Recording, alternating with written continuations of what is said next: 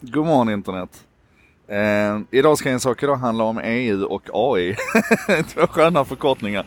Och det är lite lustigt naturligtvis att prata EU just när jag befinner mig i London. Men det är väl eh, någon slags ödets ironi över det där. Hörrni, så här är det. EU har precis gått ut och antagit, eh, eller antagit, publicerat sju stycken riktlinjer för hur etisk AI bör fungera. Och det här är ett ramverk kan vi väl säga som är framtaget tillsammans med ett antal experter. Man har fått in över 500 kommentarer pratar man om. Och det är viktigt tror jag att förstå att det här är inte ett ramverk på Asimov-nivå. Det är liksom inte så här eh, robotlagar.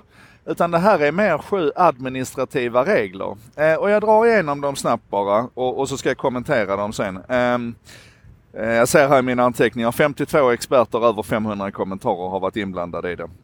Ehm, den första är Human Agency and Oversight, alltså att människan alltid ska ha sista ordet kan man väl säga. Att, eh, att AI inte ska få lov att ehm, run amok utan att det alltid ska finnas en, en mänsklig eh, övervakning kan vi väl säga. Eh, och att människan alltid ska sättas i första rummet. Eh, man kräver, eller man önskar teknisk robusthet och säkerhet. Eh, och det är väl ganska rimligt att systemen inte ska läcka och ha sig utan att de ska vara vi ska känna oss trygga med att de, att de gör det de är designade att göra. Man pratar om privacy and data governance. Eh, och det är ju naturligtvis eh, EUs paradkort lite grann att eh, vi ska vara rädda om den personliga integriteten, våra personliga data och så vidare.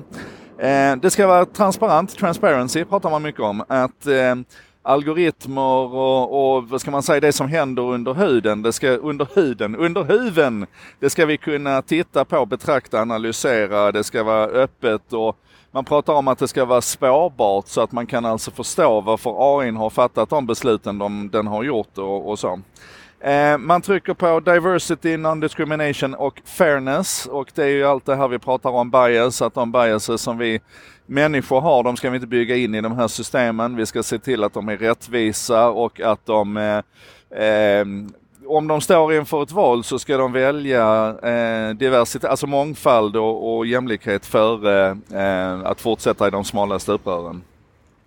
Eh, sen blir det riktigt flummigt för sen pratar man om environmental and societal well-being. Alltså att systemen ska byggas så att de, eh, de stödjer hållbarhet, att de är så klimatvänliga som möjligt naturligtvis. Men också det här med social well-being, alltså att systemen ska byggas på ett sådant sätt så att de är till människans bästa och att de, att de är till samhällets bästa. Och det här är ju otroligt svårdefinierat. Jag menar, jag tror inte att att Annie Lööfs och, eh, vem ska vi ta? Vi kan ta Donald Trump som ett exempel. Jag tror inte att deras idé om hur ett välmående samhälle ser ut och vad som är samhällets bästa, jag tror inte det är samma sak. Så det här är klurigt.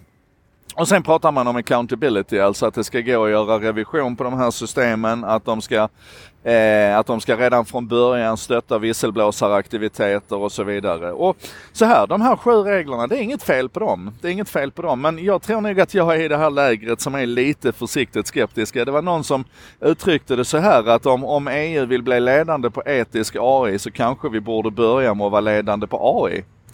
Och vi måste nog inse vilken otroligt sjukt liten spelare vi är i det här sammanhanget. Alltså det är ju lätt att tro när vi lever i vår lilla europeiska ankdamm att EU har gjort oss till en slags superkraft. Men om vi tittar på ett område som AI så är vi ju inte det. Det finns ju enskilda företag i Asien som investerar långt mycket mer i AI än EUs hela samlade forskningsbudget på, på AI-området. Så att vi, vi det blir lite grann så här nästan lite förment. Alltså att, att vi sitter här och tycker att vi ska diktera hur saker och ting kan fungera. Men som sagt, det här är inga lagar. Det är inte Asimovs lagar, det är inga andra lagar heller, utan det är ett gäng riktlinjer som känns ganska byråkratiska och ganska administrativa.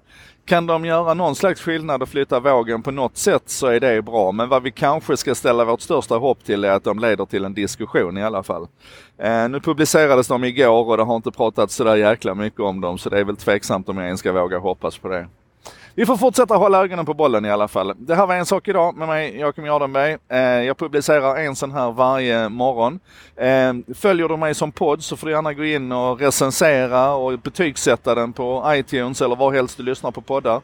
Eh, följer du mig på Facebook så kasta in lite vänner här till En sak idag-sidan. Jag hade gärna sett att vi var 10 000 medlemmar på den sidan innan jag åker till Facebooks utvecklarkonferens den eh, sista april. Ehm, och tack för att du hänger på. Vi hörs!